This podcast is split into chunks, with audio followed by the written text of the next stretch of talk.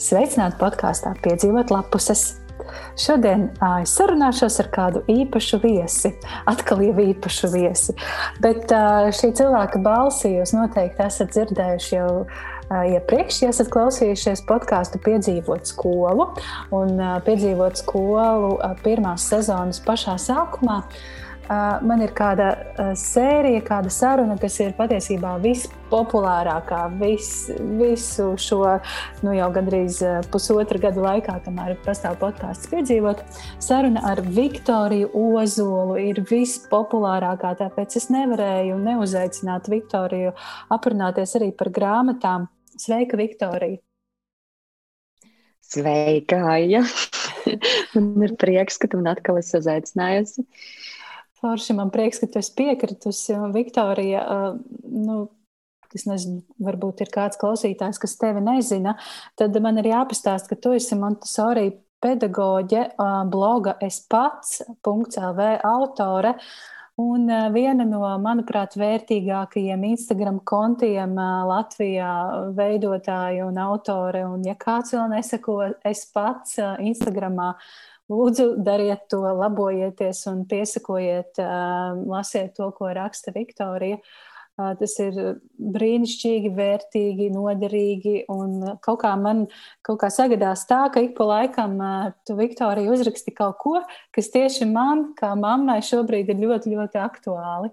Un es ticu, ka tas ir ne tikai man, ka tā ir arī daudziem vecākiem, kas tev sako. Tā kā tā, vai es pateicu? Paldies, paldies tev par sīrupu manām ausīm. es, vai es visu svarīgāko pieminēju? Tu esi arī, protams, mamma. jā, mamma gan jā. Bērniem, un uh, es domāju, ka, ka tāpēc jau mūsu saruna būs patiesībā par grāmatām bērniem, vai ne? Tieši tā, un es, es tevi uzrunāju Viktorijā sarunai, sarunai par literatūru bērniem, par grāmatām bērniem, jo es, es esmu bijusi pie tevis ciemos, es zinu, ka tev ir vesels plaukts ar, šīm grāmatām, un tev ir arī savs viedoklis, un kā tu man pirms tam rakstīji, mēs varam parunāt, un es pastāstīšu, kā es izvēlos, jo es esmu ļoti izvēlīga, domājot par grāmatām bērniem, kā tu man teici un rakstīji, tā kā man ļoti interesē interesē, kas tad, kas tad ir tie tavi kritēriji, kā tu izvēlies grāmatas bērniem un, un jā, kas, ir, kas ir tavā plauktā. Bet kā, kā tu, kādas vispār ir tavas attiecības ar lasīšanu? Tev pašai, varbūt sāksim ar to. Man pašai, zini, es mīlu grāmatas, un es no cilvēkiem, kurus labāk ar, ar naudas maku mani iekšā grāmatnīcā labāk nelaist. Man labāk palaist bez naudas maka, tā lai es varu apskatīties, kritiski izvērtēt un pēc tam atgriezties jau pēc kaut kā konkrēta, jo es tāda, kas varētu nu, diezgan daudz ko iznest ārā. Un, uh, un ir grāmatnīcas, no kurām es ļoti, ļoti visu kaut ko varētu izmest ārā. tā, um, es bērnībā pat ļoti daudz lasīju. Uh, arī man tāda ideālā diena asociējās ar to, kas var palikt gultā un lasīt visu dienu. Un, uh, man, diemžēl, šāda diena sen nav bijusi. Un bez slimošanas es to nevaru atļauties. un slimojot, tu, tu to es vēl neesmu kādu laiku, bērni neļauj. Un uh, tad, nu, tad nu pati pie tādas. Uh, vieglas literatūras, kādas patiesībā būtu šobrīd gribējusi, es nemaz tā ļoti netieku. Un, bet šobrīd ir viena grāmata, ko es lasu, tā ir Niķu nav to, ko Vita Kalniņa tikko ir izdevusi. Un, eh, un lūk, tās ir manas rūpes par sevi šobrīd, tad, kad es nolieku nost telefonu, nolieku nost visu, aiztaisiet durvis bērniem, pasaka, ka es šobrīd eh, gribu sev kādu brītiņu. un tā ir tā grāmata, ko lasu šobrīd. Bet redz atkal bērnu tēmu tikai priekš vecākiem. Jā, bet ko tu lasīji bērnībā, tad, kad tu biji maza? Ko es lasīju bērnībā? Um, Zini, es, man liekas, ka es izlasīju visu mūsu olainas bērnu biblioteku. Man ir tāda sajūta. Uh, es lasīju visu pēc kārtas. Um, man patika Roalds Dāls, man patika um, Poliana jā, ar savu iedvesmošanu. Uh, man patika tīņa vecumā arī bija tādi skolas romāni, vai kaut kā tā viņi saucās. Bija tāda sērija vesela. Ja. Tos es visus, protams, izlasīju. Es ņēmu kaut ko arī, kas bija Uh, nu, padomu laiku literatūras, kas bija tādi, tādi tipiski patiesībā kaut kādi uh, Zentas ērglis, piemēram, starp, starp mums meitenēm runājot, nu tādi visādi arī. Mm -hmm. Vis, vis kaut ko. Un uh, patiesībā šobrīd mēs nemaz neesam tik bieži bibliotekā gājēji. Uh, mums ir skolā pašiem bērniem biblioteka un bērnu dārzā, tad no turienes kaut ko paņem, bet, uh, bet principā man attiecības ar biblioteku sabojājās dēļ vienas bibliotekāras. es biju nokavējis kaut kādu termiņu, un viņa bija tik, nu, tik tāda neganta pret mani. Ka man ir palicis tāds nosēdums vēl aizvien, ka man ir bail, ka es kaut ko nokavēšu. Un tad labāk tādas grāmatas, kuras es patiešām, patiešām gribu, es labāk nopērku vai apmainos ar kādu, un es nebaidos par termiņiem. Lūk, Arī nu, tāda tā. pieredze, jā, bibliotekā. Tas bija jau pieaugušā vecumā šī pieredze? Vai, vai nē, nē, tas bija vēl skolas vecumā. À, mēs jau tad esam tie ievainojamāki tādi. Lūk, arī bibliotekas var sabojāt attiecības. ka negribas tur rādīties. Bet labi, ka tās nesabojāja attiecības ar lasīšanu un grāmatām kā tādām. Tomēr tā mīlestība ir palikusi. Ja? Tas gan. Mm. Un kā, ir, kā ir šobrīd? Kā ir, tev ir pieci bērni, un vai visi lasa, vai visiem patīk, un, un kas viņiem patīk? Kā tu to redzi, kā tu jūti savus, savus mazus? Uh, viņi, mēs visi lasām, mēs visi lasām, un es domāju, ka tas ir ļoti daudz faktoru kopums. Jā, tas, ka, tas, ka mēs lasām, kā pieaugušie, ka mēs paņemam grāmatu un bērni redz, ka tas ir kaut kas nu, vērtīgs. Jo jebkas, ko vecāki dara, viņiem šķiet vērtīgs. Ja vecāks skrolē telefonu, tad arī, arī mazais, nezinu, pat pusotra gadnieks ņems kaut ko un kaut, kaut vai ir kluts tēlos, ka viņš skrolē telefonu. Jā. Un ja, viņa, ja, ja viņš redz, ka, ka mamma lasa grāmatu, tad viņš arī šķirstīs grāmatu. Un, vai arī man Jasmīna, divgadniece, divgadīga dieņa ir, un viņa redz, ka slānedziņā mēdz kādu žurnālu pašķirstīt, nu, viņa tā kā arī skrien pēc sava žurnāla, ko viņa, ko viņa šķirsta savā launedziņā, ja? un es domāju, tas mūsu piemērs ir tas uh, pirmais, primārais, un otrs ir, protams, uh, nu, tā vide, ka mums tās grāmatas ir uh, dzīvojamā istabā, principā goda vietā, un uh, Viņas ir pieejamas, viņas, ir, viņas nav kaut kādos super augstajos plauktos un ka nedrīkstētu ņemt. Un um, ka ir skaisti izkārtotas, ka tās grāmatas ir skaistas. Jo, jo tās grāmatas viena no tām lietām, kā es viņas izvēlos, lai viņas ir arī skaistas, ne tikai, eh, ne, ne tikai saturiski, bet arī vizuāli. Um, par to, ko kurš lasa, es sākšu ar tiem mazajiem, ar tiem divgadniekiem nu, iedomājās, viņa arī, viņa arī ņem un šķirsta. Mēs gan tikko Piklera kursos mums stāstīja, ka tas viss ir tāds, nu, tāda tā kā kā lai to pasaka, nu, ka utopija, ka tie mazie lasīs, bet nu, tur es gribēju nepiekrist, nu, ka, ka tas nav tikai tāda motora lieta, ka viņi tikai šķirsta grāmatas, jo viņi man šķirsta biki bukus, tie mums ir diezgan daudz. Un viņi tos ir dzirdējuši tik daudz, ka, ka nu, jā, viņi staigā un deklamē tos dzējoļus no tiem bikbukiem. Reāli staigā, un, un uh, es varu tikai apbrīnot to atmiņu. Mm. Ja viņi, mēs skatāmies, kā viņi uzšķir to lapu, un īstajā lapā pasaka īsto rindiņu. Jā, Pat tādā bikibukā, kur es nesaprotu, kā vispār viņi var atcerēties. Es neatceros, kas tur bija, kurā lapusē tur mums ir tāds preču vilciens, jā, no Jāņa Baltvilka. Un man meita šķir, un viņa saka, dudi dallā, dudi dallā, pašķir nākamā, paiet malā, paiet malā. Un viņa zina, kur ir tā mm. kūdra un kur nafta. Un tā ar, ar daudzām, jā, ar daudziem bikibukiem. Un, un es patiešām, es brīnos. Un, uh, Uh, Oliveram, tas ir otrs divgadnieks, viņam atkal patīk, uh, viņam šobrīd ir, uh, viņš sliktāks runātājs nekā Jasmīna, lēnāks, nevis sliktāks, jā, un, un uh, viņš atkal šķirsta visādas tādas realistiskās grāmatas, kur mēs esam paši saftogrāfējuši kaut ko, vai kuras es salikusi pati kaut kādus ikdienas priekšmetus, jā, un, un, un viņš pats to šķirst un sauc visus pēc kārtas un rāda man, un, un, un nu, no sērijas augļu dārziņa, katli, apģērbi, nu tādas. Tad uh, meita Elizabete, viņai ir četri pusgadi, un, zini, viņa ir tāda mums princeša princese. Jo meitenīgāka grāmata, jo labāk. ja būs par vienu redzu, tas būs viņai, ja būs par Annu un Elsu, tas būs viņai. Nu, jebko meitamīgu, jebko. Un, un savukārt ar lielajiem puišiem ir tā, viņiem ir grāmatas, ko viņi lasa paši. Nu, ka, re, kur jums ir uzdevums, ka jūs katru dienu palasat. Un, man liekas, īstenībā labs ieteikums ir uh, lai tiem bērniem neiedzītu riebumu pret lasīšanu, ir pateikt, nu, ka tev ir jālasa pašam savu grāmatu tik minūtes dienā, cik tev ir gadi. Ja? Un tas nav daudz, bet, ja tu gribi lasīt ilgāk, ja viņi tur aizraujās ar kaut ko droši, droši turpini. Ja? Jo tas viņus nebiedē. Piemēram, palasīt vienam septiņas un otram deviņas minūtes dienā, nu, tas taču vispār nav biedējoši. Un lielākoties jau viņi aizraujās drusku ilgāk. Tas, ko viņi lasa, ir Vecākais dēls šobrīd lasa Tā iet mūsu lietas. Šī ir arī mana favorīta grāmata bērniem, ko es tev esmu minējis arī tajā iepriekšējā mūsu sarunā, kad man bija jāiesaka. Ja? Un otrs dēls atkal viņš lasa par kokosrieksta piedzīvojumiem. Es domāju, kā, kāds bija tas nosaukums, pilnīgs, jā, tā arī bija kaut kā kokosrieksts. Jā. Puķi kokosrieksts, jā. Jā, jā, puķi kokosrieksta piedzīvojumi, tos lasu. Bet vispār viņš ir tāds, Uh, zini, tipiskais puika, kuram patīk uh, kapteiņa apakšbikšu piedzīvojumi.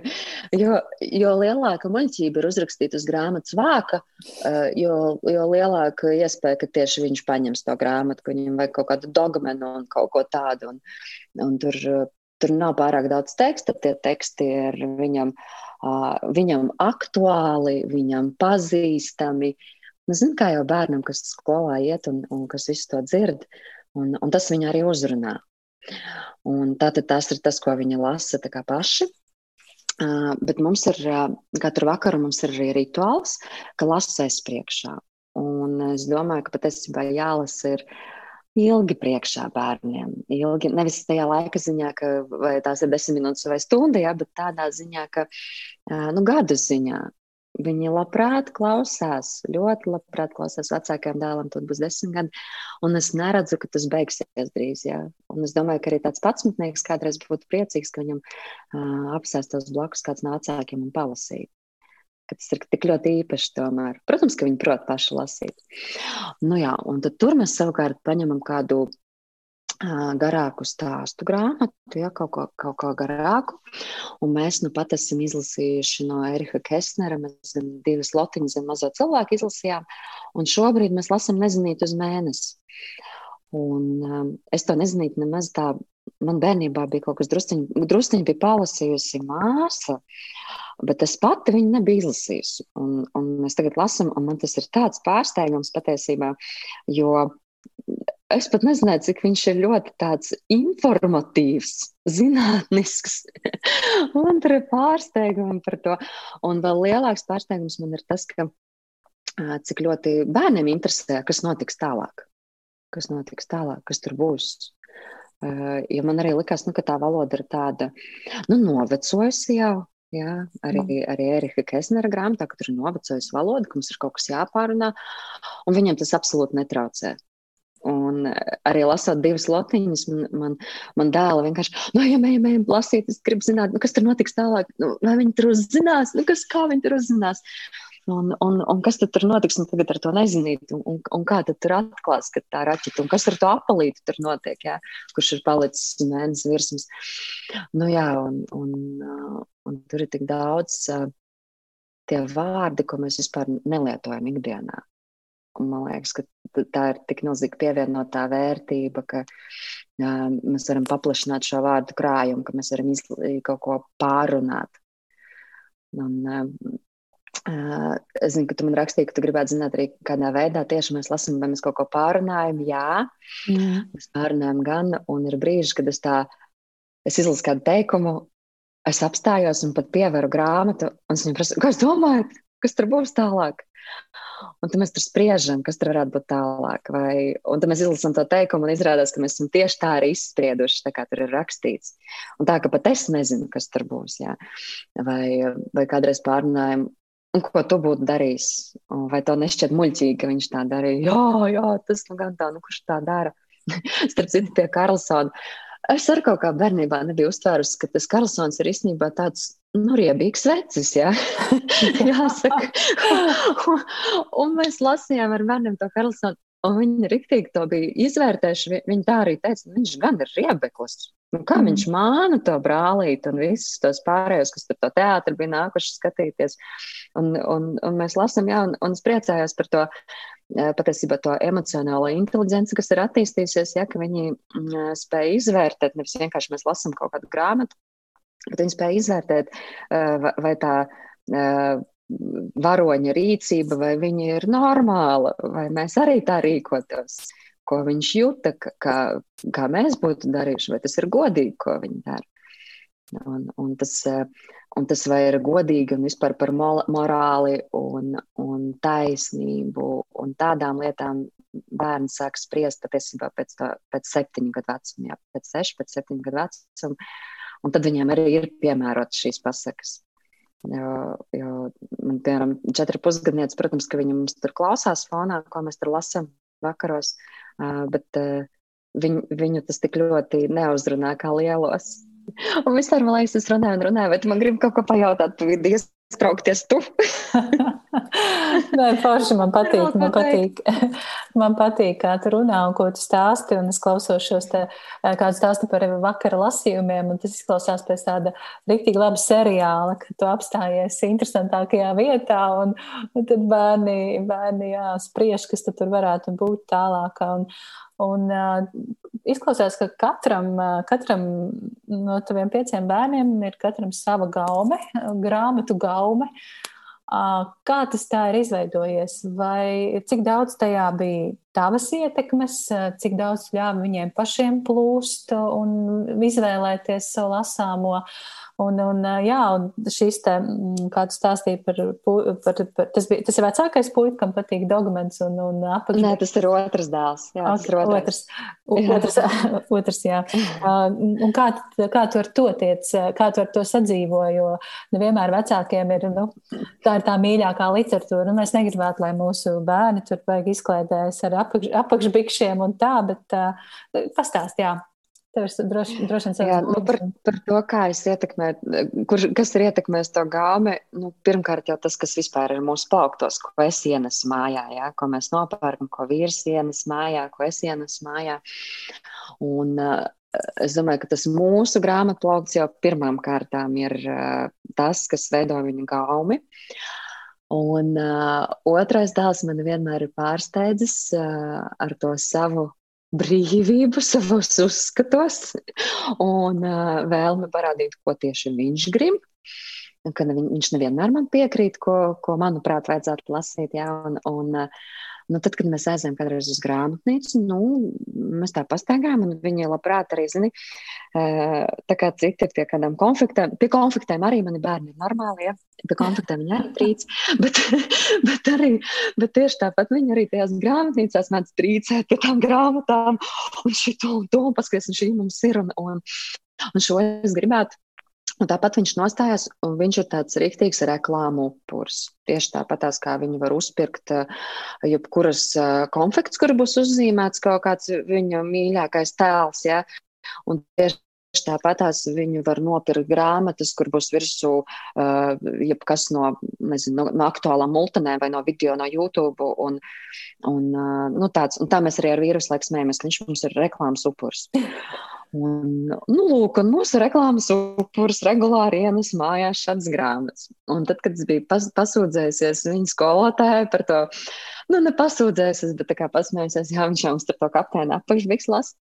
Un viņi man teica, zini, bet uh, valsts ieskaitē trešajā klasē bija fragments no kapteiņa apakšbikšu. Un tajā brīdī es nomierinājos. Es sapratu, tas ir aktuāli, lai tik lasa. Un patiesībā jau tas kapteinis apakšbikšs, tur tas direktors, Es godu vārds neesmu izlasījis tās grāmatas viņa, ja, jo, man kaut kā negribās nemaz, un, un par tādiem, kuri visādi komiks tipu, un dogmats, laikam, ir vairāk komiks tipu. Mēs pat esam vienojušies, ka, nu, viņu lasa paši, ja, un, un, nu, tā, un to pirmo stāstīju, es tā stāstīju tajā pirmajā reizē. Atceries, es tā stāstīju par to, ka viņš tā Angry Birds paņēma, un uh, viņš mums iemācījās pirms piecu gadu vecuma lasīt tikai ar to, ka viņš paņēma tos Angry Birds, un es biju tik ļoti pret, un, un un tomēr tā bija viņa tā dāvana karte, un viņš paņēma un izlasīja un iemācījās lasīt ar to angļu vārdu. Es atteicos lasīt, teicu, ka es šo nelasīšu. un, un vispār komiksus lasa paši, un viņš sēdēja burtoja, kamēr savilka tās skaņas, un ar to arī aizgāja. Jā, un, un, Tas, laikam, ir pats svarīgākais tajā lasīt prasmes veicināšanā, ka nu, ļaut paņemt to grāmatu, ko, ko viņš grib, kas viņam reāli pašam interesē neatskaitīties. Jo es zinu arī pēc sevis, man var interesēt tēma, bet tiklīdz man kāds pasaka, ka man šis ir obligāti, nu viss man ir tāda pretestība. Un es nevaru, es nevaru paņemt. Es nevaru, nu, patiešām man pat ir tādos, pat manos kaut kādos kursos, kurus gājus, un man tēma patiesi paties interesē, un grāmata forša, kad es viņā ielasos. Bet uh, man, man stāv un man riebajās. Es negribu. es domāju, bērniem jau ir līdzīgi, un ar kaut kādu, ka tev uzspiež kaut ko, un, un, un, un tad viņi labprātāk paņem kaut ko, ko viņi paši paķer, ko viņi paši pavalk. Tā ir viņa izvēle, jā, pats mm. paņēma. Jā, tā ka galvenais, kā mēs varam bērnus piesaistīt lasīšanai, ir mūsu pašu piemērs, mūsu, mūsu kā vecāku piemērs. Tad ir vide, grāmatām jābūt pieejamām un tām nu, jā, jābūt tuvu. Grāmatām jābūt patīkamām, skaistām vizuāli, lai bērniem patīk tās ņemt rokās un šķirstīt, un visbeidzot jāļauj pašiem arī izvēlēties tā, to literatūru. Uh, Un tad ir tas, ko tu saki, ka, ka, ka tu ir tava lielā ietekme ar to, ko tu izvēlies iegādāties un ienest savās mājās un nolikt savā plauktā. Nu, tas ir tas otrais, otrais galvenais jautājums. Kas ir tas, ko tu, iz... kas ir tas, ko ko tu izvēlies, un, un, un kā tu izvēlies, un kur tu, kur tu iegādājies grāmatas? Mm -hmm. Tas tāds sīkāk. Tā, nu, manā pirmā lieta, ko es esmu vienmēr skatījusies, uh, zin, tas ir tas mans arī pedagoģijas ietekmēs. Es skatījusies tā, lai bērns var salasīt. Uh, to tekstu arī pats, jo pirmkārt, bērniem grāmatas vienmēr sākumā izvēlējos tā, lai viņi uh, varētu sākt lasīt un mācīt, mācētu, mācītos lasīt. Un, uh, tur man bija svarīgs tas šrifts, jā, man bija svarīgi lai ir salasāmi, lai nav visi lielie burti, jo, lai arī mums liekas, ka bērniem ir daudz vienkāršāk tā iemācīties lasīt, tas teksts ir tāds ļoti tāds grūti uztverams. Jo tā, ka viss vārds ir uzrakstīts lielajiem burtiem, viņš ir tāds patiešām grūtāk uztverams un grūtāk saprasts, kur, saprast, kur vārds sākas, kur beidzas, nekā tad, ja, ja tas vārds ir uzrakstīts ar maziem burtiem, ir kopā savilkts vairāk, vieglāk uztvert, ka tas ir viens vārds. Ja? Es domāju, ja to vizuāli tā nodemonstrētu un vizuāli redzētu, blakus to būtu vieglāk saprast. Un, uh, mums ir arī pāris grāmatas, kur viss ir lielajiem burtiem, un ir patiesi, patiesi ir daudz grūtāk lasīt to tekstu, daudz grūtāk uztvert teikumu. Ja, kur tā doma sākas, kur viņa beidzas. Uh, nav tāda kopa kaut kāda. Uh, tad es skatījos, lai arī lai ir skaisti zīmējumi, bet lai nav pārāk raibi. Uh, lai to tekstu var ieraudzīt, Ja, jo tas, tas, ko man arī pedagoģijā dara, ir, ir tā, ka vispār attēls ir vienā pusē un teksts ir otrā pusē. Ka vispār, tā, kad lasa to tekstu, ka vispār neskatās uz to attēlu tik daudz, ka uztver tikai to tekstu. Mm, un lai tas teksts nav pārāk daudz.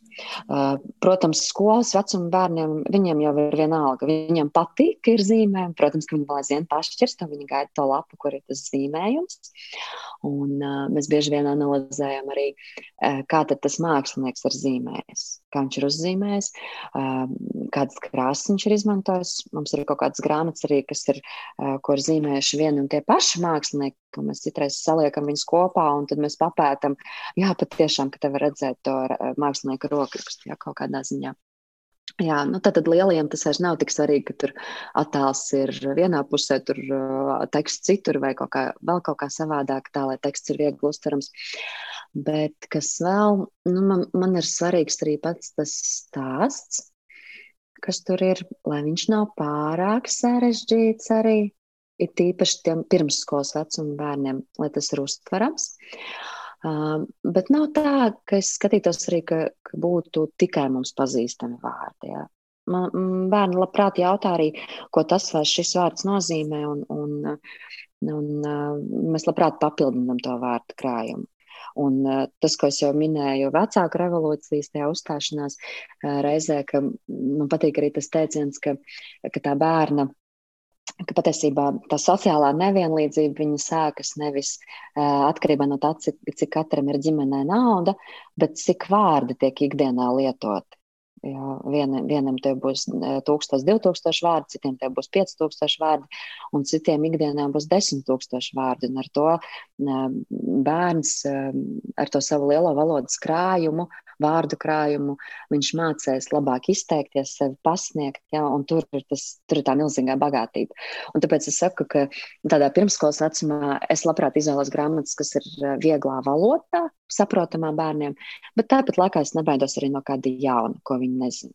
Ja, un, un atkal lielajiem mēs tur ņemam jau diezgan daudz, jau visu ko, vis, visādi tā valoda. Un, uh, Tā es domāju, nu, kas vēl, kas mums tāda vēl kritērija. Es, es pērku arī grāmatas angļu valodā. Un tās es pas, gan pasūtu no Book Depository visbiežāk, jo tur ir tā bezmaksas piegāde. Un es pērku arī Mr. Page Bookstore angļu valodā grāmatas. Viņam tur ir diezgan laba izlase. Un savukārt tajā Book Depository tā mana lielā iedvesma, protams, ir dažādas patiesībā Montesori māmu un, un skolotāju vietnes, kur, kur viens otram iesaka tikai tādas pērles. Un, lūk, tās pērles es arī esmu savākus, principā, diezgan daudz. Un, un man katra grāmata, kas mums ir angļu valodā, man katra ir ļoti mīļa. Un, Un es domāju, ka man vajadzētu uztaisīt vienreiz tādu kaut kādu tajā pašā Instagramā vai kaut kur tādu dalīšanos, kas tad mums ir no tā visa. Tāds patiešām iedvesmojošs grāmatas. Arī skaistas. Jā, un kas tad vēl, kas tad vēl, es domāju, nu tādiem pavisam mazākajiem jāizskatos, lai arī patiesībā tas raibums, Lai man, mani neuzrunās neviena encyklopēdija, neviena grāmata, kas būs pārlieku raiba, kur patiesībā beigās nevar uztvert. Un, un man var stāstīt uh, citi vecāki, cik fantastiski skaista grāmata un cik daudz tur informācijas. Es labāk nopērku kādu grāmatu, kur ir maz informācijas, bet viņa ir viegli uztverama. Un, uh, un tad patiešām bērni to šķīrst, un mēs pārunājam, un labāk mēs iemācāmies mazāk faktu, bet patiešām mēs viņus uzzinām. Jo, jo mums ir arī dāvinātās encyklopēdijas, nu, it kā jau brīnišķīgas. Cilvēki ir labi domājuši, piemēram, tie paši bērnu pasaules atlanti. Nu, zini, man viņi kaitina. tur tā vispār nevar ne kontinenta aprises uztvert, ne, nekas tur īsti ir. Tur ir salipināts viss virsū. Nu, vi, viss, ko varēja iedomāties, tur saliek virsū. Un beigās mums patiesībā bērniem visbiežāk šķirstītais atlants ir, ir nevis tie trīs, četri, ko mums ir bērnu uzdāvinājuši, bērnu atlanti, bet tas parastais jaunais pasaules geogrāfijas atlants, kur viss ir skaidrs, kur katrai kartē savas lietas un kur mēs varam izpētīt gan vējus, gan, gan nokrišņus, gan, gan, gan firmas kaut kādas un vēl visu kaut ko. Nu, tā, tā kaut kā. Varbūt, ka vēl kaut kas ienāks prātā par šo tēmu, kā tam mēs izvēlamies. Um, ah, nu, zini, man ienāca vēl viena lieta prātā tomēr. Um, es ļoti labprāt izvēlos tādas grāmatas, kur, um, kas ir ar kaut kādu tādu izzinošu pievienoto vērtību. Jo nevienmēr bērniem vajag pasakas, mēs drīkstam pasniegt arī viņiem tā kā patiesību pasakas formā. Jo jebkurš vēsturisks notikums patiesībā ir tikpat liela pasaka priekš bērniem kā, kā, kā citas pasakas, jo tas, kā cilvēki dzīvoja agrāk, nu, tas taču ir fantastiski, kā to vispār var iztēloties, ja, ka ir bijuši kaut kādi alu cilvēki un, Un, un kā viņi vispār tur varēja iztikt? Maniem bērniem jau ir pārsteigums, ka nav, ka nav veikals, ja? un leduskapis, vai elektrība, vai kā ēst varēja reizi nedēļā. Un tik daudz par to pasaku, vai, vai, vai, vai, vai, vai tas pats, nezinu, par Antarktīdu, ja? kur, kur ir iedomājies pusgadu diena, pusgadu nakts, Dievs. Un, un vienmēr viņiem vajag izdomāt pasaku. Jo īstenībā tāds pagātnes notikums no pasakas atšķirās vienīgi ar to, ka pasaka ir cilvēka izdomāta un, un pagātnes notikums ir fakts. Ja, tāpat arī par dažādām dabas zonām mācīties. Es pat esmu kaut kādas grāmatiņas viņiem sataisījis. Un, un, un, un, un tas ir tik ļoti pārsteidzoši. Nu, tuksnesis ārprāts. Nu, tūkstnesis ir vai Austrālija ar visu savu luru klinti vai, vai, vai tiem dzīvniekiem, kas tur ir. Nu, nu, tā ir tikpat liela pasaka viņiem. Pat, pat cilvēks ar, ar tumšu ādu, ja? viņi ir pieraduši pie gaišādainiem cilvēkiem un, un iedomājas, tur viss ir šitādi un ģērbjās pilnīgi savādāk. Un, un, nu, jā, vēl arī tas, ja es varu dabūt par, par reālām lietām, bet tādā pasakas manierē, kas patiesībā bērniem patīk, tad tad es ņemu arī tādas grāmatas. Mm -hmm. Tu, tu teici, ka svarīgs tev ir stāsts, bet pērkot grāmatu, jau tu bieži vien nezini nemaz, kas tur, kas tur būs iekšā. Kaut gan pēc tam tu arī minēji, ka tu daudz ietekmējies no Montesori grupām, no citu māmu un citu ģimeņu pieredzes. Tātad apmēram jau ir zināms, kas tur tajā grāmatā ir. Nu, nereti tas, ko tu pērci, tev ir jau apmēram saprotams un zināms. Un varbūt ir kāda pērle, ar ko tu vari padalīties, pastāstīt. Es, protams, gaidīšu arī, kad tu padalīsies savā Instagramā. Tur varbūt pastāstīt, kas ir tāds, nu, šobrīd tāds foršs, tāds, ir, kaut kas tev iepriecina. Jā, ik pa laikam tu daudz dalies. Instagramā man tur ir highlightos, arī man ir ielikt viena mapīte, kurš tad tā kā papildinu. Mm. Um, nu, zini, tā par Pirmām kārtām man liekas, ka patiesībā izdevniecība liels un mazs ir viens tāds uh, pamatīgs zīmogs grāmatai, uh, kas nozīmēs, ka viņa būs laba. Ja, mm un, nu, es reti esmu vīlusies. Es pat nevaru teikt, ka es būtu kādreiz vīlusies. Man kādreiz varbūt nav tā, ka man simtprocentīgi patīk, bet lielākoties Jo tas, ka tur ir virsū izdevniecība liels un mazs, man nozīmē parasti daudz. Ja, un, un nu, viena no tām grāmatām, kas man liekas, ka ir jābūt nu, pilnīgi katras ģimenes plauktā, latviešu ģimenēs ir Sibīrijas haiku, ja, kas ir lietuviešu autors grāmata. Uh, Viņa ir komiksa veidā, bet šis lūk ir tas komiks, ko es gan lasīju kopā ar bērniem. Uh, jo mums tur bija gan daudz ko izrunāt, jo mans tēvs arī piedzimis Sibīrijā, ir, viņa ģimene tika izsūtīta, un mums bija tik daudz ko tur pārrunāt. Un, uh, viņam arī likās, ka tur ir lietas, kas ir smieklīgas, un par ko viņi smējās. Un, un uh, bija lietas, par, par ko mēs skumām kopā. Un, uh, manuprāt, nu, tā tiešām ir pērle, kurai ir jābūt mājā. Un es pat nezinu nevienu citu grāmatu, kas būtu par šo tēmu bērniem no bērna skata punkta tik saprotamā veidā, ar tik um, nu, arī vizuāli tik forša grāmata. Jā. Un tā noteikti ir viena no pērlēm. Zini, es tagad tā paskatījos uz savu grāmatu plauktu, un uh, patiesībā man viņa, tā nav jauna grāmata, un to drīzāk uh, uz tādu 3, 4, 5, 5 gadu vecumu, ja es domāju par savu vidējā bērnu. Uh, mums ir grāmata Tīrīgais par āpsi Anci. Ah, Tur nevar iztēloties par cik daudz mums ir, mums principā ir folklorizējusies šī grāmata. Viņš, tā mums jau ir kaut kāds gadus, trīs, četrus. Un, uh, un mēs te braucam par Rīgu, mēs sakam, redz, kur āpsis pastrādājas, lapas maisus sagrāvis. vai, vai kādreiz tā kā tā kā mēs visu satīram mājās, tad mēs arī sakam, nu redz, mums tagad viss brīnišķīgi spodras un skaists, un, un, un, un, un, un tad mēs pasmējamies paši ja, par to, ka īstenībā tiem perfektiem nemaz nav labi būt vienmēr, jo tam mansim redz, kā slikti sanāca beigās. Vēl mums ir brīnišķīga dzējoļa grāmata, kas mums mājās ir visiemīļotākā, un, un tā arī mums ir sen, nu, zini, gadus arī 6, 7, mums ir revijas gulbas dzējolēni, Un uh, to mēs arī deklamējam ik uz soļa. Ja? Un, uh, un, un patiešām tie dzējoļi ir tādi, kas paši galvā iekāpj. Tiešām. un, uh, Un, tie, vēl arī papildināt ar burvīgām ilustrācijām, jā, un, un tās ilustrācijas ir pilnas ar putniņiem, un tad arī ar tiem visādiem sīkumiņiem, ko mēs meklējam un atrodam.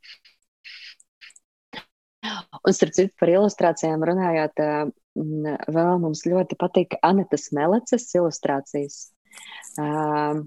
Viņai ir gan bikibukiem, gan, gan arī citām grāmatām, kas mums ir, kas mums ir no, no viņas. Un es brīžiem pat neatceros, kas bija autori pašām grāmatām un tekstiem, bet pie viņas zīmēm, kuros mēs, ah, nu tā pati Olga, jā, tas kiosks. Un mēs kā šķiram, tā mēs aizvien aizvien atrodam kaut kādus sīkumiņus, krikumiņus zīmējumus, kas īstenībā ir tik tādi pat bērnišķīgi vienkārši, un tomēr nav. Ja, un tomēr nav bērnišķīgi, un tu atrod visu laiku, kā šķir lapa, tu atkal kaut ko atrod. Vai kā, kā tur zirņa bērnos, kādas zirnītes tomēr kādu izteiksmi ir uztaisījis, vai kā tur Olgas kioskā, redz, kur dāma, kurai neveicas mīlestībā, ir atradusi mīlestību, tomēr beigās. Nu, tā, jā, tas kiosks noteikti arī ir viena no mūsu pērlēm lielajām. Mm. Arī viens no tādiem absolūtiem favorītiem. Jā, es, Jā. piekrītu. es piekrītu. Annetas Meleces uh, ilustrācijas man arī ļoti patīk. Un es, un es piekrītu, es arī aizmirstu teksta autoru, bet tā, tās ilustrācijas, tie zīmējumi ir uh, tik spilgti un interesanti un forši. Tā ir. Uh, Nu, skaisti, ļoti labi ieteikumi. Daudzus es zinu, nezināju Evijas gulbas dzējolēnus. Tie tad man ir jāpameklē, jāpaskatās. Varbūt, ka mūsu Jā, tos, tas es saku, tos mēs ejam un pa ceļam deklamējam lietus, tas pilina smidzina līņā un gāž. Slāpjo degunu un gala pat kabatās bāž. Tur, tur, nu, man liekas, ka mums ir entie Ziemassvētki pagājuši izbraucot ar šo grāmatu, jo tos dzējos mēs vienkārši zinām. Un tā, kad mums vajag uz sitienu kādu, kādu nodeklamēt, tad mums, mums vienkārši nāk ārā viss, viss, ko mēs zinām no šīs grāmatas. Um, kā tu, kā tu ikdienā, lielie puiši, nu, te, tu teici, 9, 10 gadi, laikam viņiem jau ir, jā? Uh, nu, būs drīz 10 gadi vecākajam, un, mm -hmm. un jaunākajam drīz būs 8 gadi. Nu, ah. tāpēc skata viņa tāda tā kā diviņa bija. Nemaz nevar pateikt, ka tas jaunāks ir jaunāks. Cik daudz Jā. tu jūti un, un ko tu domā par moderno tehnoloģiju klātbūtni bērnu mm. ikdienā un, un cik daudz ir šīs konkurences ar grāmatu? Stāstīja, ka ir, ir minūtes, cik viņiem dienā jālasa. Šīs te minūtes, tas ir tā kā tāds. Tas ir tāda metode, kā izvairīties no, no telefona lietošanas, vai, vai pastāst par šo mm. sīkāk. Nē, zini, es nekad to neuztveru. Nu, vispār grāmatu lasīšana mums nav nekādā veidā kā sots vai kā izvairīties no, uh, no tehnoloģijām. Tas ir vienkārši kaut kas, nu, kas mums ir ikdienā. Jo tiklīdz mēs, mēs to uztaisam kā sodu, tas ir tāpat kā ar to obligāto literatūru. Jā. Un tas noteikti nav tā kā, nu, kā sots, tas ir kā vienkārši kā paralēli, ka jums ir jālasa. Un, uh, Nu, mēs visi lasām, un rekurījums ir kaut kāda grāmata, kas jums ir jāizlasa arī jā, ik pa laikam. Un, nu, jā, par tām tehnoloģijām. Nu, zini, izvairīties no tā nevar. Uh, to, cik labas vai sliktas viņas ir, un to, cik labi vai slikti tās ietekmē, tas ir atkarīgs no tā, kā viņas lieto un, uh, un no tā, kādu saturu tur patērē. Un, protams, ka mēs nevaram izvairīties vispār no tā, ka viņi uh, kaut kādā ziņā ir atpalikuši no tās mūsdienu dzīves, jā, jo viņiem ir klases biedri, viņiem ir draugi, un, un ja draugi runā par to vai to spēli, viņi nevar būt pilnībā izkrituši no tās aprites. Jā.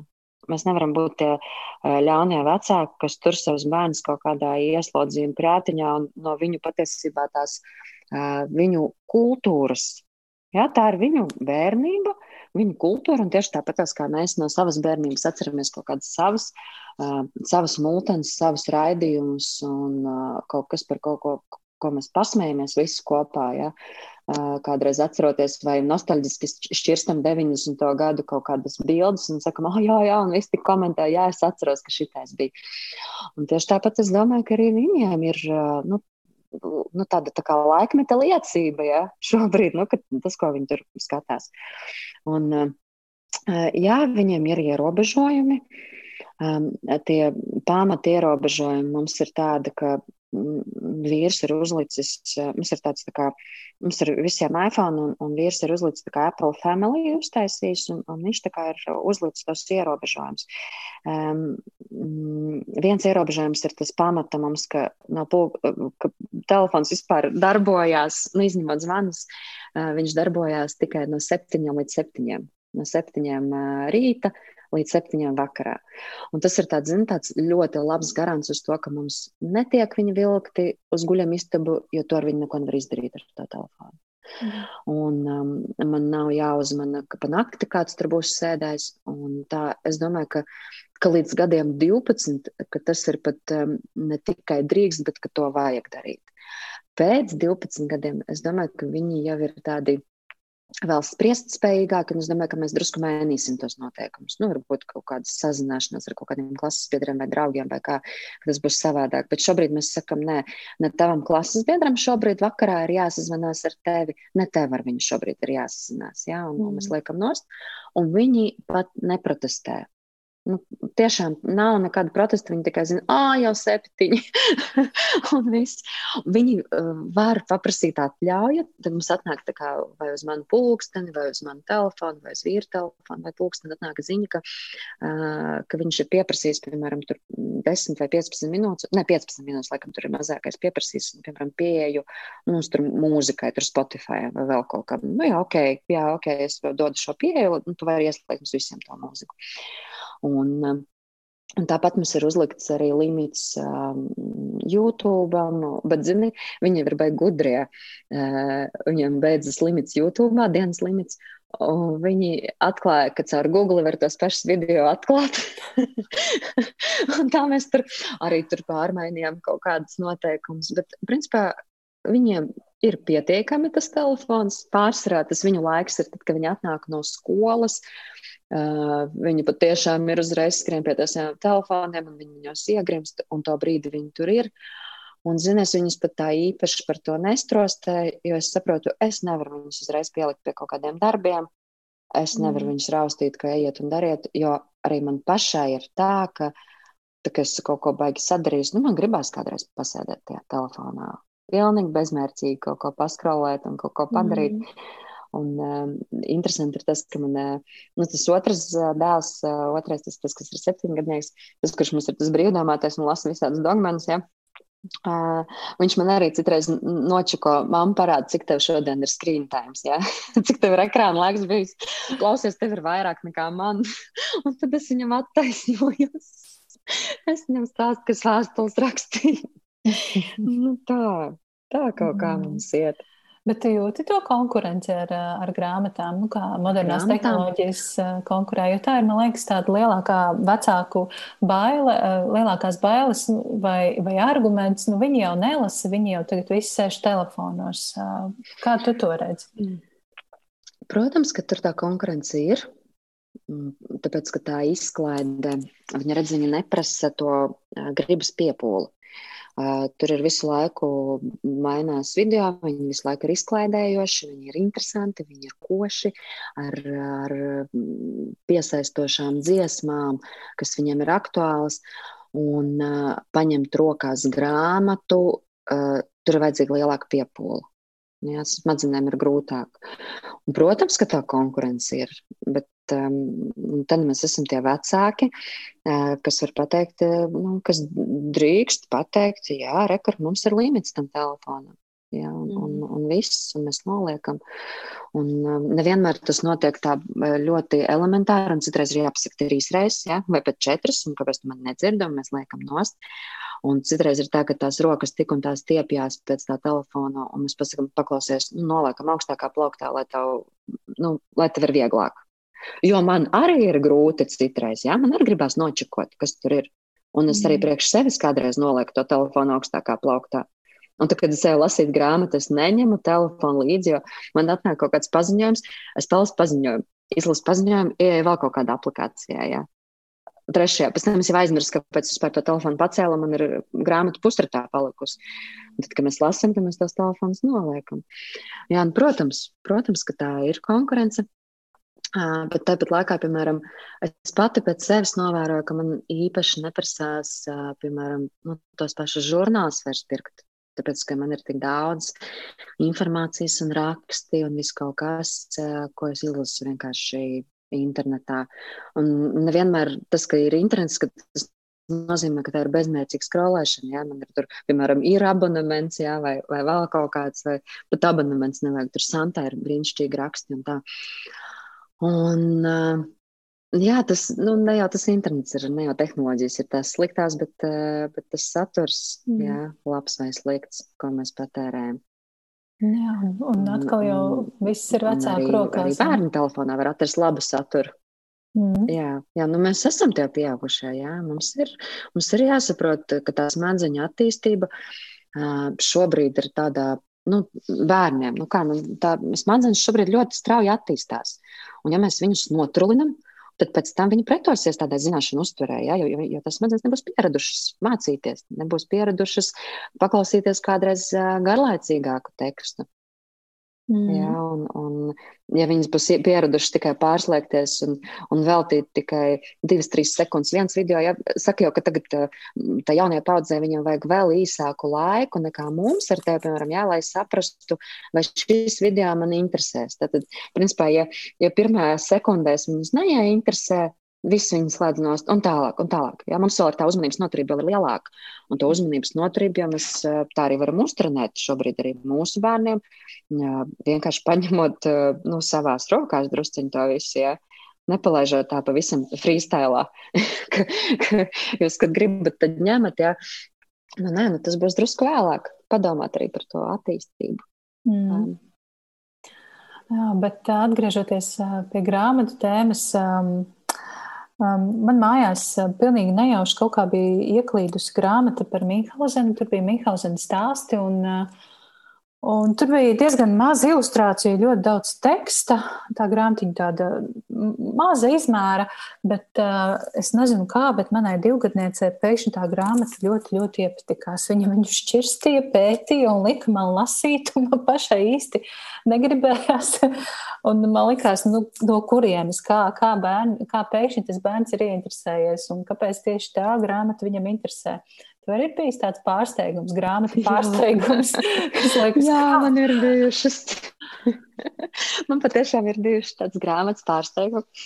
Un uh, man īstenībā ir viens stāsts par, uh, par Annas Saksas grāmatu. Un man uh, dēliem bija četri gadi un divi gadi. Tad varēja būt jau četri pus un divi ar pus gadi, ja tā bija vasara, es atceros.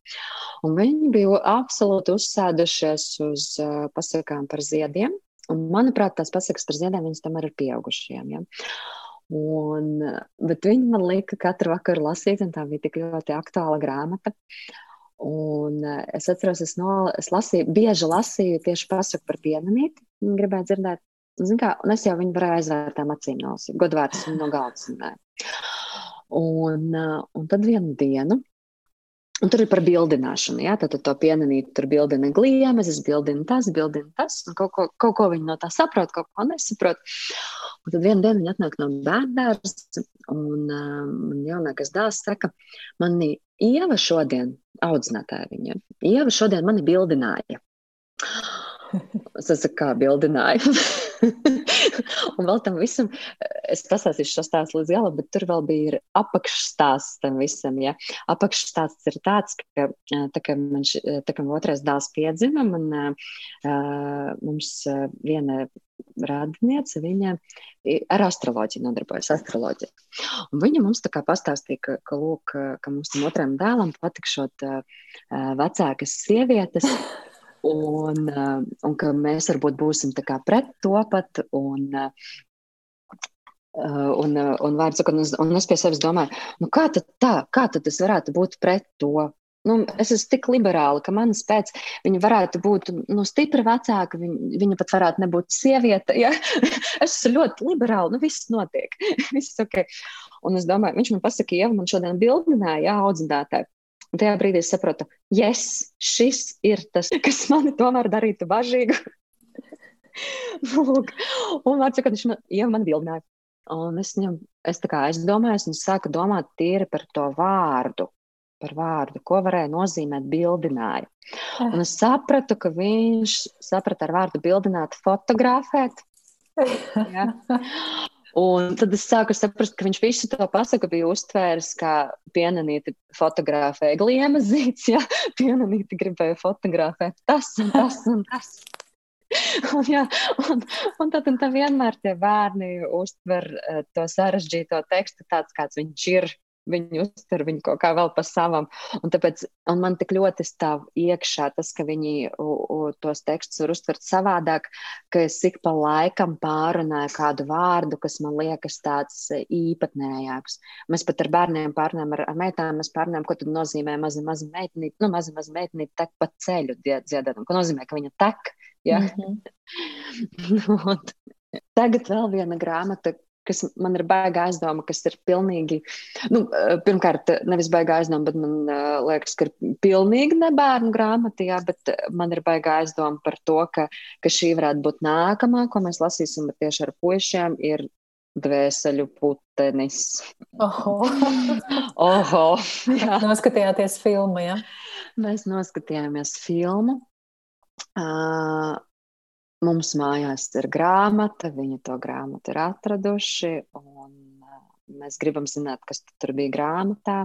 Mm. Un, uh, mani pārsteidz jau viņa tie spriedumi par to filmu. Ja? Mums liekas, ka pirmkārt, ko tie bērni tur var saprast, otrkārt, mums liekas, ka tas ir stipri par smagu un vispār vecumam nepiemēroti, bet tie viņu spriedumi bija patiesībā fantastiski. Nākamajā dienā, kad mēs sēdējām no rīta pie, pie galda, un ka bērni runāja par to, ka, uh, nu, ka, ka, ka tie karavīri jau nebija priecīgi, ka viņam tos ordeņus dalīja, ja, ka tie vispārējie bija laimīgi un ar puķēm, un, un karavīri bija sakropļoti fiziski un arī, un arī emocionāli, ja, un, un ka, ka viņam tie murgi rādījās, un, un kā ārpēc labāk nevis to ordeni, bet uh, ka vispār tas karš nebūtu bijis. Ja, un, un tas nebija vienīgais viņas spriedums, un pa laikam mēs par to runājam, un ka Mums it kā liekas, ka viņi ir tādi mazi, mazi, un ko viņi var saprast, bet patiesībā visu kaut ko jau viņi saprot. Un, mm. uh, es atceros arī savu bērnību, nu, zini, manī izaudzināja televizors.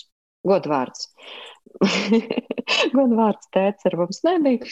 Māma bija vai nu darbā, vai viņai bija citas lietas, jā. Un es skatījos visu pēc kārtas. Un tu domā, ka man kāda filma likās pat pārāk pieauguša vai pa briesmīgu. Nu, Poltergeists bija tāds uh, ORT kanāls, un man bija poltergeists pirmdienas vakaros pēc desmitiem. Mm, labākā filma vienkārši mēs gājām, mēs, bij, mēs bijām sākuma skolā, un mēs gājām, un, un nākamajā rītā apspriedām ar tiem klases biedriem to poltergeistu, kas bija, kas bija viņu redzējuši. Tātad es nebiju vienīgā. Ja? Un ne jau nu mēs tikai to dienas programmu skatījāmies, mēs skatījāmies visu ne mēs esam kaut kādi jocīgi izauguši neko, vai ne? Bet, kā tev liekas, šie te, tavu, tavu bērnu, tavu puišu tie spriedumi, kas ir nu, tādi ļoti prātīgi un, un pārdomāti, tas ir kaut kāda tavu, tavu darbību, tavu, nu, jūsu ģimenes kopīgo darbību rezultāts, tas, kā jūs lasāt, tas, kā jūs runājat par grāmatām, par izlasīto, par piedzīvoto, par redzēto. Uh, vai, vai nu, Nu, droši vien, ka jā, ko es nu, jautāju. Nu, nu, noteikti, jā, tas ir tas, nu, ka mēs vienkārši nevis vienkārši lasām to grāmatu, bet mēs viņu burtiski lasām kopā, pārunājot, apstājoties, jā, attīstot šo emocionālo inteliģenci, tātad gan iejūtoties lomā, gan pārspriežot, gan domājot, ko darītu pats, gan mēģinot saprast tā cilvēka motīvus, jā, kāpēc viņš darīja tā vai savādāk. Mēs arī vispār ļoti daudz runājam un spriežam ikdienā. Un, un mēs arī pat, pat ejot pa ielu, mēs spriežam, mēs nevis vienkārši ejam, bet mēs nezinu, paskatāmies uz namiem. Un tad atceramies, starp citu, vēl viena grāmata, jā, augstāk par zemi, uh, par tiem torņiem. Mēs atceramies to grāmatu, kā tur bija rakstīts. Jā, ka, tad, jā arī, arī, arī visi mūsu gājieni ārā, viņi ir ar sarunām, ar sarunām par, par ēkām, par, par to, ko mēs redzam, par dabu, par tām likumsakarībām, par to, kāpēc viena ēka ir graznāka un kāpēc otra nav tik grazna. Un ka nevienmēr, ka tā, tā, kas nav tā graznāka, viņa ir vecāka, viņi mēdz izskatīties bijušās vecāki, ja, bet tās graznās tās ir vecākas. Un, un to mēs esam visi samācījušies arī no vēl vienas lieliskas grāmatas augstāk par zemi. Uh, tur gan man brīžiem likās valoda uh, stipri par sarežģītu, bet tur visur bija piebilda, kā mans tētis būtu teicis. Man jau brīžiem sniegli par to nāca, ka visu, kas ir tāds drusku sarežģītāks, tur visur piebilst, un kā, kā mans tētis būtu teicis. Ja? un, bet kopumā tā grāmata ir lieliska, arī pieaugušajiem pašiem izzināt, ja? kāpēc par ēkām visu kaut ko, kāpēc tā, un par stiliem kaut ko, un tad kopā ejot ar bērniem runāt. Un, un, Mēs bijām šajās brīvdienās, mums bija pastaigta pa vecrīgu ar objektu meklēšanu, un viens no tiem objektiem bija arī tie kaķi uz jumta. Ja? Un mēs tur arī, protams, pārunājām par to, kāpēc tie kaķi tur ir, par to lielo ģildi un par to, kāds tur, kāds tur tas nu, viss notikums bija, vispār pagrieztos ar kaķus ar tiem dibeniem, jā, par lielo ģildi, tas bagātnieks viens, ka viņi par to, ka viņi neuzņēma. Un tā viss ir vēsture un, un šāda dzīvi vēstures fakti vienkārši ejot pa ielu un visu laiku kaut ko runājot, viņam paliek fantastiski atmiņā. Nu, jā, nu tāda mēs, mēs esam runātāji. Jā, mēs, mēs, man patīk pašai arī visu kaut ko iedomāties un pajautāt viņiem. Un, un uzjautāt, un kā, kā jūs domājat, nu, nu, nu, kā tos kartupeļus te vispār kāds iedomājās atvest, mēs spriežam. Jā. Un tā ir par jebko. tā ir par jebko un par, un par to, ka nu, tas mūsu galds, iedomājieties, nu, tas mūsu galds taču arī bija kādreiz vienkārši kāda koka sēkliņa. Jā, redz, kā viņš ir izaudzis. Un tā mēs visu laiku runājam. Un es domāju, ka, protams, ka tas, ka viņi spriež uh, par to filmu un par grāmatām, ka tas ir arī tas mūsu ģimenes nopelns, kā arī mēs spriežam un mēs brīnamies. Mēs visu laiku brīnamies par kaut ko. Un pasaulē ir tik daudz ko brīnīties. Uh, ik uz soļa. Patiešām. Mm. Un ko tu darīsi ar to ar dvēseli puteni tagad? Lasīsi, nu, es domāju, ka mēs pati vispirms vai lasīsi uzreiz uh, puišiem priekšā, bērniem visiem. Es domāju, ka mēs pabeigsim to nezinīt sākumā, ja, kas mums ir diezgan vēl tāds pamatīgs priekšā. Dvēseli puteni, es domāju, ka mēs lasīsim. Es domāju, ka tas nebūs kopā ar divgadniekiem, ka tas būs, protams, jo viņi jau vispār aiziet prom no tādas ne grāmatas. Un mēs arī kopā ar viņiem to nedaram, arī to mūsu vakar lasīšanu parasti nē. Uh, Es domāju, ka mēs lasīsim. Nebūs tā, ka es iepriekš pārlasīšu. Mēs lasīsim kopā. Mēs lasīsim kopā, mēs pārunāsim. Man reti ir tā, ka es izlaižu kaut kādus vārdus. Es drīzāk viņus paskaidroju un pastāstu, kā tas te ir domāts, nekā izlaižu. Jo es zinu, ka ir vecāki, kas, kas lasa un kaut ko izlaiž. Nē, īsti nē.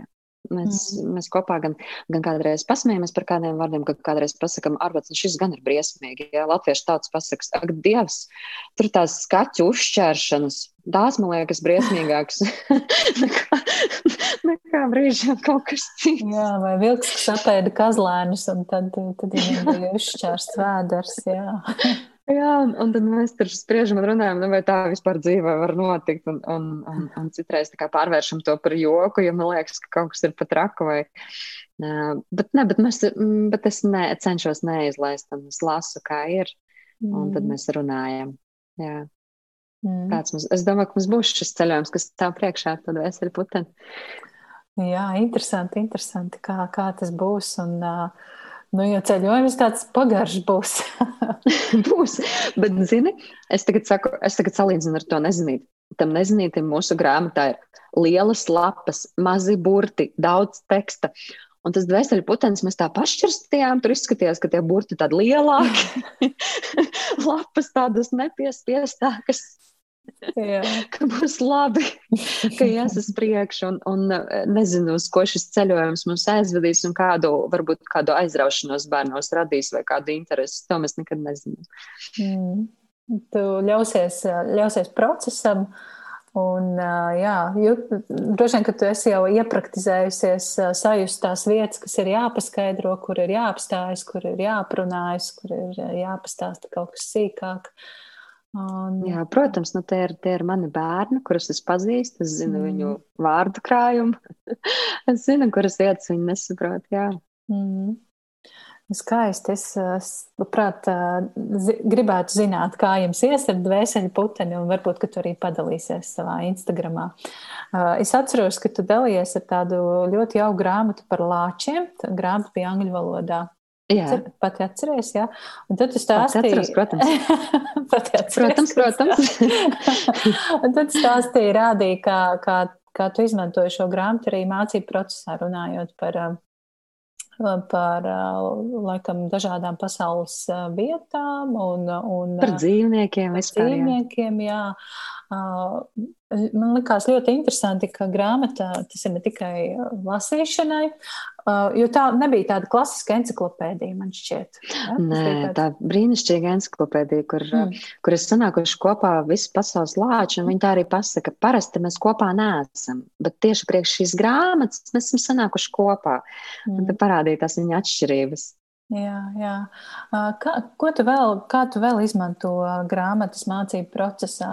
Vai, vai, vai vēl ir kaut kas tā, tāds interesants piemērs? Mm, man liekas, pieminēšanas vērts droši vien ir tas, kā mēs izmantojam enciklopēdijas. Ka, uh, jau no tā brīža, kad uh, bērni sāk saklausīt skaņas un, un izšķirt skaņas. Man, starp citu, ir ieraksti blogā jā, par skaņu spēlēm un tā, un izšķirt kaut kādus burtus. Tad viņam ir kāda interesējoša tēma. Es neesmu no tiem vecākiem, kas pasaka, ka es visu zinu. Jā? Es pasaku, o, es arī nezinu, es labprāt uzzinātu. Zini, mums ir encyklopēdijas. Ejam, pašķiram, paskatāmies, kas mums ir, un mēs uzšķiram alfabēta rādītāju un es mācu bērniem atrast informāciju. Mēs mēģinām saklausīt, ar kādu skaņu tad sākas šī mūsu interesējošā tēma. Mēs meklējam šo burtu, uh, un mēs atrodam, kurā lapas pusē, jo, zini, tas ir vesels process. Viens ir, ka tu vienkārši tā gatavā veidā ņem kā vecāks un uzšķir, re, kur mums ir par tiem lēčiem, ja, vai par tankiem, vai vienalga, nu, kāda tā tēma ir interesējoša tajā brīdī. Uh, otrs ir, ka, ka mēs uh, kopā atrodam, un es viņiem iedodu tādus tā kā, nu, kā instrumentus, kā pašiem pēc tam meklēt, ja. Nebūt atkarīgiem pēc tam no pieaugušajiem vienmēr, bet ka arī viņi paši var kaut ko sameklēt. Un, tas, tas arī ir noteikti viens no veidiem, jā, ko, ko var darīt. Kā vēl? Nu, mums, protams, ir vesels plauks ar encyklopēdijām, gan, gan, gan no vīra bērnības, gan sadāvināts, gan, arī tādas, ko mēs paši esam pirkuši. Un, kā jau es teicu, jā, man ir svarīgāk laikam, lai tā encyklopēdija ir saturiska un skaista, ka viņi gribēs pašķirstīt. Uh, un um, ne tik daudz, lai tur ir iebāzts viss, ko vien var. Jā. Mm. Labāk es nopērku piecas dažādas, pa dažādām tēmām, nekā vienu, kurā ir viss un patiesībā nekas. Jā, jo mm. bieži vien ir tā, ka tie, kas sev pozicionē, ka, vat, nu, ka šajā grāmatā ir vat, viss par, par, par šīm tēmām, nu, tur parasti ir tā, ka viens teikums par katru un tu beigās neko neiegūst. no tā viss. Un mēs meklējam arī Man pat ir kaut kādas no manas bērnības palikušas, no, no kultūra vēstures. Man 12. klasē, ne vispār, laikam, visā vidusskolā mums bija tāds priekšmets kultūras vēstures, bet nezinu, vai tagad tāds ir. Man ir saglabājušās uh, manas mācību grāmatas no kultūra vēstures, un, un mēs bijām nopirkuši no tā paša uh, Mr. Page bookstore, tajā pašā veiklā. Mēs nopirkām tādu tā kā darba burtnīcu, darba grāmatu no tās pašas sērijas, kur ir tā muzeja tās enciklopēdijas, kur ir animālijumi un botānikumi. Visas šitās tur tieši tāpat bija par vēstures sērijām. Mēs tur nopirkām arī tādu vēstures darba burtnīcu, brīnišķīgu. Un, un tik līdz viņiem būs veikalā, mēs sarunājam, ka viņi man pados ziņas, padalīšos atkal, jo, jo, jo patiešām laba. Un tad tur mēs arī uh, šķirstiem tur bija jāpabeidz tur kaut kāda mūmijas otra puse, vai tur jāpiezīmē sava lieldienu sāla vai vēl kaut kas. Un tur mēs ņēmām tās manas mācību grāmatas no kultūras vēstures, vēl no manas skolas, no manas mācību laika, kur mēs šķirām un skatījāmies. Un man bija, man patiesībā pašai ir interesanti viņiem pastāstīt un parādīt, un paskatīties, un paskatīties. Un tad mēs pašķiram vēl kaut kādu, paņemam tās pašas tehnoloģijas, uzšķiram YouTube, kurā šobrīd ir viss, ko vien tu spēj iedomāties, no, sākot no tā, kā rodas, nezinu, kā izgatavo zīmuļus un kā rodas medus, un beidzot ar, ar tām pašām lieldienu salām un mūmijām. Un mēs paskatāmies, kā tas ir dzīvē, un, un mēs zīmējam. Un, Un, zini, iededzam tādu dzirksteli, tā dzirksteli ir pašai man, un es jūtu, ka es to dzirksteli varu nodot arī bērniem. Nu, ja mums mm. pašiem rīktīgi interesē, nu, man patīk, man interesē. un viņam tieši tāpat interesē. Un, un viņi, nezinu, no encyklopēdijā ir atraduši vezuvu, un tad mēs skatāmies vezuvu izvirdumu, ja, tur ir bijis visas kaut kādas vēsturiskās uh, filmas, un viņi skatās, un man pārsteidz citreiz tā viņa izvēle, ko viņi var pa desmit reizēm noskatīties. nu, tā, tā kaut kā mums ir. Mm. Skaisti. Ļoti daudz, ļoti daudz praktisku piemēru un iedvesmojošu grāmatu nosaukumu, ko droši vien klausītāji var meklēt vai nu bibliotekās vai grāmatnīcās, to, kas vēl nopērkams. Ko tu pati tagad vēlies iegādāties? Vai tev ir tāds sarakstīns ar grāmatām, kuras vēlos augsti? Iegādāties. Mm, zini, man ir, es taču klausos arī audio grāmatas, savās ratu pastaigās. Un man ir, eh, man ir dažas audio grāmatas, kas noklausījusies eh, un kuras man gribēs arī papīra formātā. Un viena ir izglītojošā, tāda, nu, pa manu tēmu, jā, no, no drama disciplīna. Mm. Un, bet tā tad izglītojošā, un savukārt tā vēl vienu, eh, kas ir drīzāk neizglītojoša, bet tāda dvēselē, bet ar tādu izglītojošu bišku lietu. Zini, es tagad meklēju, es teiktu, meklēju mm -hmm. to nosaukumu, ja neatceros. Uh, uh, Tūlīt atradīsim, kā viņa saucās. Es ar viņu biju arī dalīsies. Ah, viņa saucās uh, Lorija Gotlība grāmata Maybe you should talk, talk to someone. Mm -hmm. Un, uh, man ļoti patika. Tā grāmata bija, man liekas, uz kaut kādām uh, daudzām stundām. Nu, daudzām, man liekas, ka tur bija pat 11 stundas, bet es viņu vienkārši noklausījos. Es nezinu, kā es izraku to laiku savā dzīvē, bet es klausījos pa ceļam uz dušu, gatavojot ēst. Izejot kaut kur vienalga, aizjot līdz eklam, ja man tik ļoti aizrāva tas stāsts, ka es noteikti gribu viņu arī, arī vienkārši savā grāmatplauktā Tur bija vairāki stāsti. Tur bija uh, psihoterapeite uh, un gan par viņas pašas uh, pieredzi psihoterapijā, gan arī par to, ko, uh, ko, ko viņas klienti bija stāstījuši un, un viņas tas piedzīvojums. Mm. Es esmu dzirdējusi labas atsauksmes par šo grāmatu. Jā. jā. Nu, ko, Viktorija, man šķiet, mēs esam daudz runājuši. Stunda ir paskrējusi atkal jau kaut kā nemanot.